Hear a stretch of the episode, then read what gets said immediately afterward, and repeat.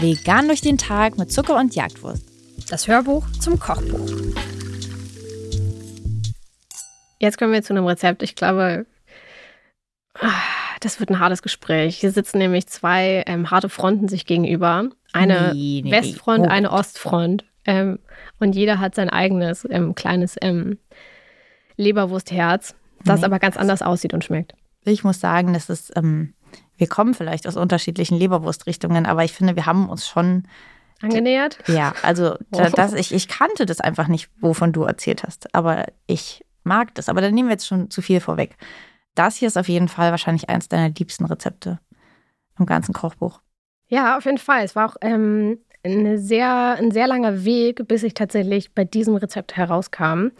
Aber kurz vorweg, worüber wir die ganze Zeit geredet haben, es gibt ja verschiedene Typen Leberwurst. Ich glaube, in ganz Deutschland kann man wahrscheinlich Leberwurst in jeder Farbe, in jeder Konsistenz kaufen, mal gröber, mal feiner, mal süßer, mal deftiger, mal grau, mal pink, wie auch immer. Es gibt äh, 100 Shades of Leberwurst. Und ich bin mit der Leberwurst aufgewachsen, die man, glaube ich, unter dem Namen Kalbsleberwurst kennt. Ähm, ganz furchtbarer Name.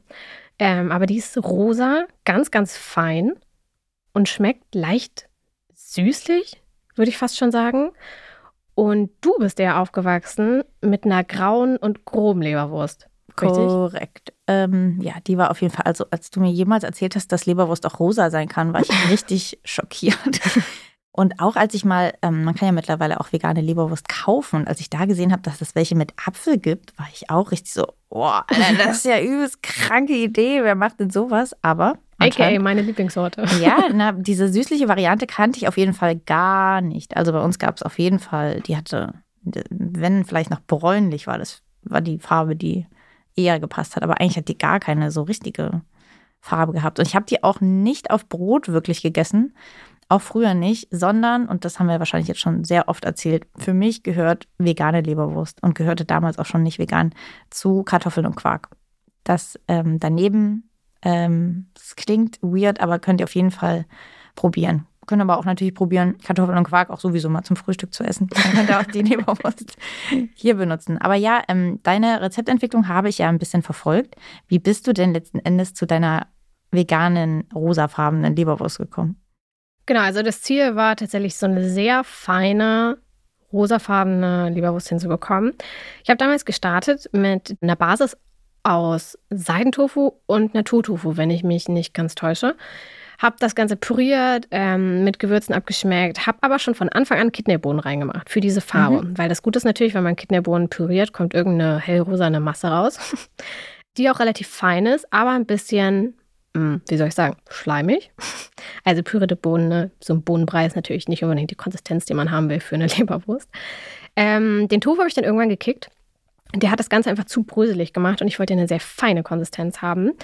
Aber irgendwann bin ich draufgekommen und habe einfach mal die Masse, die ich da zusammenpüriert habe, durch ein Sieb gedrückt. Und dadurch wurde die ganze Konsistenz deutlich feiner. Und was dann tatsächlich so ein bisschen der Durchbruch war beim Geschmack, ist tatsächlich Piment. Ähm, also ihr seht das schon in der Zutatenliste. Da stehen 15 Pimentkörner. Das ist kein oh. Schreibfehler. Oh. Das ist absolut korrekt. Denn dieser sehr typische Geschmack von Leberwurst kommt tatsächlich vor allem durch Piment. Ähm, bei der Rezeptentwicklung hat mir auch Anni geholfen, die genau wie ich mit der gleichen Leberwurst aufgewachsen ist. Ähm, und wir haben dann so viele Pimentkörner nach und nach hinzugegeben, bis wir dann das Gefühl hatten, yo, das ist es. Ähm, also ja, diese, diese Leberwurst ist tatsächlich relativ proteinreich, würde ich fast denken. Ist ein Sportleressen. Also könnt ihr jetzt zusammen mit dem König Frischkäse äh, morgen servieren. Denn die Basis sind Bohnen, die wir einfach nur durch ein Sieb drücken und mit ein paar Gewürzen abschmecken. Und zack, fertig ist die Leberwurst. Um diese Pimentkörner zu zerstoßen, bräuchte man einen Mörser. Richtig. Was könnte man denn machen, wenn man keinen Mörser hat?